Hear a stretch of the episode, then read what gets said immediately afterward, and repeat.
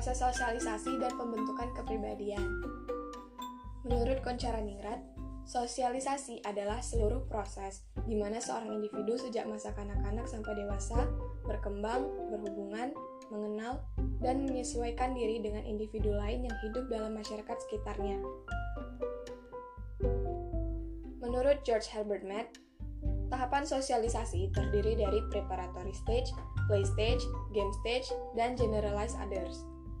Yang pertama yaitu preparatory stage atau tahap persiapan.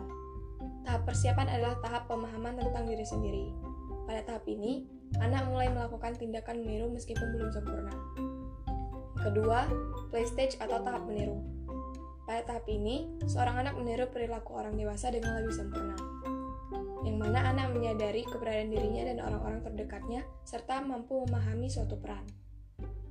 Yang ketiga, game stage, yaitu tahap siap bertindak. Pada tahap ini, seorang anak mulai memahami perannya dalam keluarga dan masyarakat. Dan di sini pula, anak mulai menyadari peraturan yang berlaku. Yang terakhir yaitu generalized others atau tahap penerimaan norma kolektif. Pada tahap ini, seorang anak sudah mencapai proses pendewasaan dan mengetahui dengan jelas mengenai kehidupan bermasyarakat. Anak mampu memahami peran yang seharusnya dilakukan dalam masyarakat. Fungsi dari sosialisasi yang pertama, membentuk pola perilaku individu berdasarkan kaidah nilai dan norma yang berlaku dalam masyarakat. Kedua, menjaga keteraturan dalam masyarakat dan yang ketiga, menjaga integrasi masyarakat. Tujuan sosialisasi yaitu mewariskan nilai dan norma kepada generasi penerus, membantu individu untuk beradaptasi dengan lingkungan sekitar, memberikan pengetahuan yang berhubungan dengan nilai dan norma dalam masyarakat, mencegah terjadinya perilaku menyimpang, dan tercapainya integrasi masyarakat. Bentuk-bentuk dari sosialisasi antara lain yang pertama, sosialisasi primer, yaitu tahap sosialisasi pertama kali yang diterima oleh seorang individu dalam lingkungan keluarga. Yang kedua, sosialisasi sekunder, Sosialisasi ini terjadi di lingkungan sekolah, lingkungan bermain, lingkungan kerja, dan media massa. Artinya lingkungan kedua setelah lingkungan keluarga. Selanjutnya, sosialisasi represif. Sosialisasi ini merupakan bentuk sosialisasi yang bertujuan untuk mencegah terjadinya perilaku menyimpang. Sosialisasi ini berkaitan dengan pemberian hadiah dan hukuman. Sosialisasi partisipatoris yaitu sosialisasi yang dilakukan dengan mengutamakan peran aktif dari objek sosialisasi dalam proses internalisasi nilai dan norma. Sosialisasi secara formal, yaitu bentuk sosialisasi yang dilakukan melalui lembaga-lembaga formal seperti sekolah. Sedangkan sosialisasi yang non-formal, yaitu bentuk sosialisasi yang melalui lembaga non-formal seperti masyarakat dan kelompok bermain. Sosialisasi langsung merupakan tahap sosialisasi yang dilakukan secara face-to-face tanpa menggunakan media atau perantara. Kemudian sosialisasi tidak langsung yaitu sosialisasi dengan menggunakan perantara atau alat komunikasi.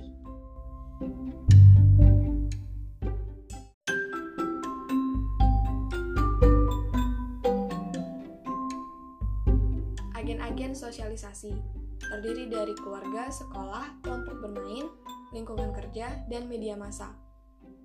Media keluarga Proses sosialisasi terjadi dalam lingkungan keluarga sebagai berikut. 1. Keluarga merupakan kelompok primer yang memiliki intensitas tinggi untuk mengawasi perilaku anggota keluarganya. 2. Orang tua berperan mendidik anak agar kehadirannya dapat diterima oleh masyarakat. 3. Sosialisasi diberikan oleh orang tua kepada anak agar membentuk ciri khas kepribadian seorang anak.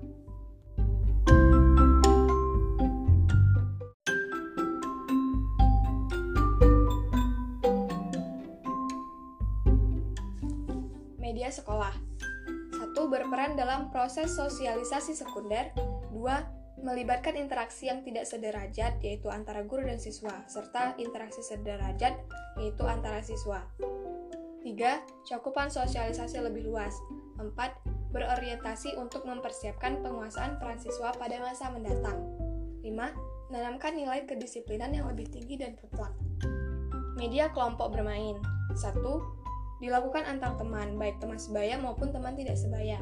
Dua, terjadi secara ekualitas atau hubungan sosialisasi yang sederajat. Tiga, kelompok bermain ikut menentukan cara berperilaku anggota kelompoknya. Empat, menjadi bagian dari subkultur yang dapat memberikan pengaruh positif atau negatif. Media lingkungan kerja diutamakan untuk mencapai kesuksesan dan keunggulan hasil kerja.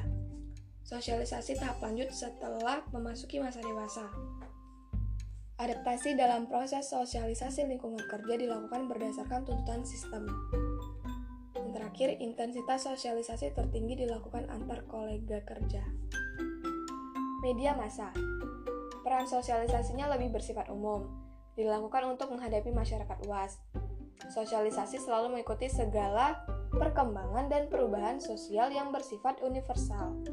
Berperan penting untuk menyampaikan nilai serta norma untuk menghadapi masyarakat yang heterogen, serta adanya peran serta masyarakat untuk bersikap selektif terhadap informasi yang akan diserap. Selanjutnya yaitu faktor pembentuk kepribadian.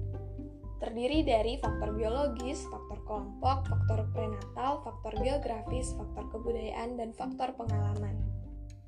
Faktor biologis, yaitu faktor pembentuk kepribadian yang diperoleh dari gen keturunan orang tua. Faktor kelompok, yaitu kepribadian yang terbentuk dari pengaruh lingkungan kelompok sosial. Faktor prenatal, yaitu faktor yang berkaitan dengan pemberian rangsangan atau stimulus ketika anak masih di dalam kandungan. Faktor geografis, yaitu faktor pembentuk kepribadian yang dipengaruhi oleh lingkungan alam. Faktor kebudayaan, yaitu faktor pembentuk kepribadian yang dipengaruhi oleh lingkungan budaya. Faktor pengalaman, yaitu faktor pembentuk kepribadian yang berhubungan dengan pengalaman hidup. Kepribadian merupakan hasil dari proses sosialisasi. Kepribadian yang baik ataupun buruk merupakan hasil dari sosialisasi yang dilakukan seseorang dalam lingkungannya. Setiap orang berada di lingkungan yang berbeda-beda sehingga kepribadiannya pun akan berbeda. Di dalam lingkungan keluarga maupun lingkungan masyarakat, seseorang akan melakukan proses sosialisasi dan akan mendapatkan pengetahuan tentang tata cara kehidupan bermasyarakat dan nilai-nilai perilaku yang menjadi cikal bakal dalam pembentukan kepribadiannya. Ada juga istilah yang namanya desosialisasi dan resosialisasi. Ini merupakan bagian dari sosialisasi sekunder. Apa itu desosialisasi? Desosialisasi artinya pencabutan identitas lama. Nah, sementara yang resosialisasi yaitu pemberian identitas baru. Contoh desosialisasi dan resosialisasi. Desosialisasi yaitu yang terjadi ketika seseorang yang diterima di perguruan tinggi meninggalkan statusnya sebagai seorang siswa SMA. Lalu resosialisasinya dia mempersiapkan diri untuk menjadi seorang mahasiswa. Mari kita review. Tahapan sosialisasi terdiri dari preparatory stage, play stage, game stage, dan generalized others. Bentuk sosialisasi ada sosialisasi primer, sekunder, represif, partisipatoris, formal, non-formal, langsung, dan tidak langsung.